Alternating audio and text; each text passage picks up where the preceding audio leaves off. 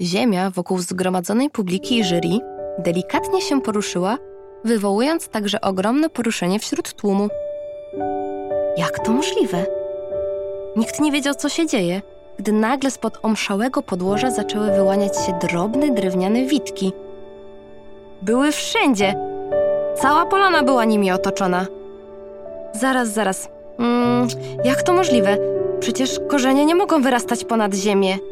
Muszą być osadzone głębiej, aby strzec balansu i utrzymywać drzewa w pionowej pozycji. Kochani, nie bójcie się.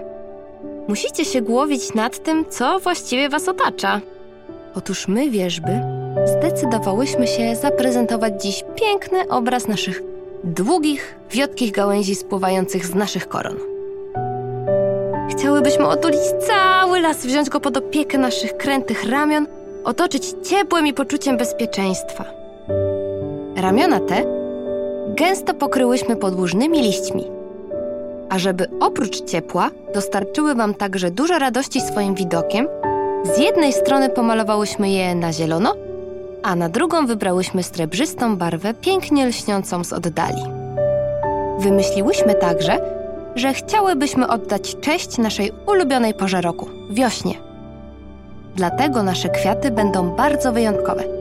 Spójrzcie na przygotowaną przez nas próbkę. Ta miękka kuleczka o śnieżnej barwie, przypominająca puch duszków, tak przyznajemy, że również dla nas nasi piękni opiekunowie byli inspiracją, i gęsta niczym piękne leśne mchy nazywa się bazią. Od tej pory, każdej wiosny, nasze gałęzie będą pokrywać się tymi cudnymi puchatkami, przyjemnie muskającymi wszystko w bezpośrednim kontakcie oraz roztaczającymi ciepło, zanim jeszcze na niebo wzniosą się pierwsze promienie słońca. Bardzo nas cieszy to, że wszyscy z naszych konkurentów pomyśleli o dobru całego szmaragdowego lasu. My również, poza ciepłem, opieką i pięknym widokiem, chciałybyśmy zapewnić, że nasza kora ma wiele leczniczych właściwości. Jeśli któregoś z Was, duszki, rozboli głowa, nasza kora będzie w stanie Wam pomóc. Z jej pomocą odkazicie także wszelkie rany. W naszym towarzystwie każdy poczuje się lepiej. Zawsze chętnie każdego obejmiemy i oddamy mu wiele miłości, która krąży w naszym ciele. Reakcja zebranych była niesamowita. Drzewa zaczęły delikatnie wyciągać swoje gałęzie w stronę wierzby. Zbiegły się do niej wszystkie duszki, w jej pięknych liściach łagodnie zaczął hulać wiatr. Nawet grzyby delikatnie uniosły swoje kapelusze w geście najwyższej aprobaty. W wierzbie było coś bardzo wzruszającego. Gdyby drzewa mogły, to na pewno na ich pniu pojawiłaby się łezka dziękująca wierzbie za tak piękną prezentację. Tak naprawdę duszek opowiadający o wierzbie podszepnął nam, że widział jak z sosny wypłynęło kilka kropelek żywicy, a przecież to nie był już czas jej prezentacji. Może to dlatego w ludzkim świecie wierzby otrzymały przydomek płaczących. Lecz nie ze smutku, a ze wzruszenia i szczęścia, że może wszystko otaczać swoimi pięknymi wićmi. Leszy uśmiechnął się głęboko, czuł tak wiele radości.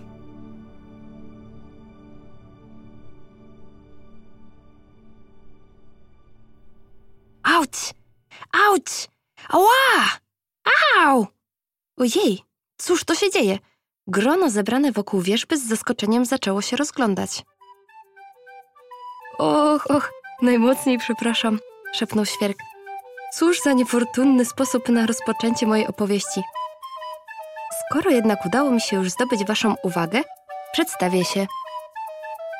Jestem świerkiem. Bardzo mi miło. Jak już na pewno wiecie, moja grupa opiekuje się granicami szmaragdowego lasu. Naszym zadaniem jest chronić Was wszystkich przed niechcianymi intruzami, wszelką negatywną energią. Nasz pień, porośnięty od samego dołu bardzo gęstymi gałęziami, które uzbrojone są w ostre niczym sztylety igły, powoduje, że nie sposób przedrzeć się na drugą stronę bez naszej zgody.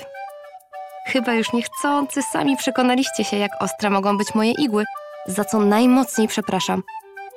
Na pewno zrozumiecie, że ta zbroja musi być bardzo skuteczna. Widzimy już też, że podobnie do sosen, z naszego drewna wypływa pięknie pachnąca esencja. Być może będziemy ją wspólnie nazywać żywicą.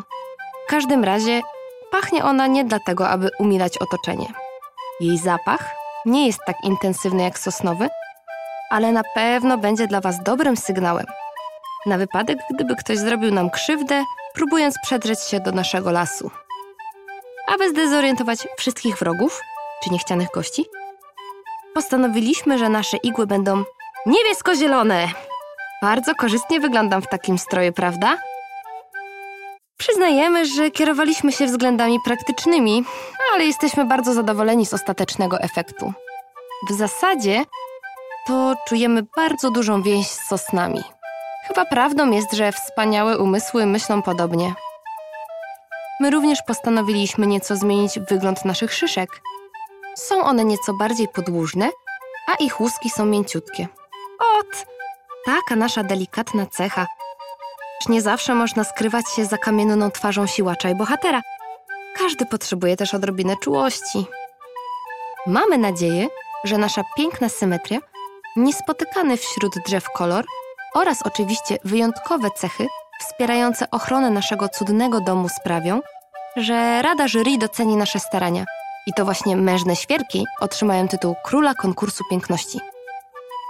Dziękuję za uwagę.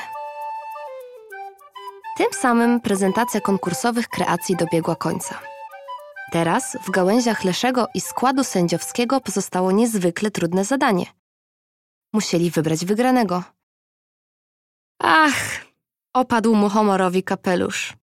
Duszki chwytały się za głowę. Jak mieli wybrać?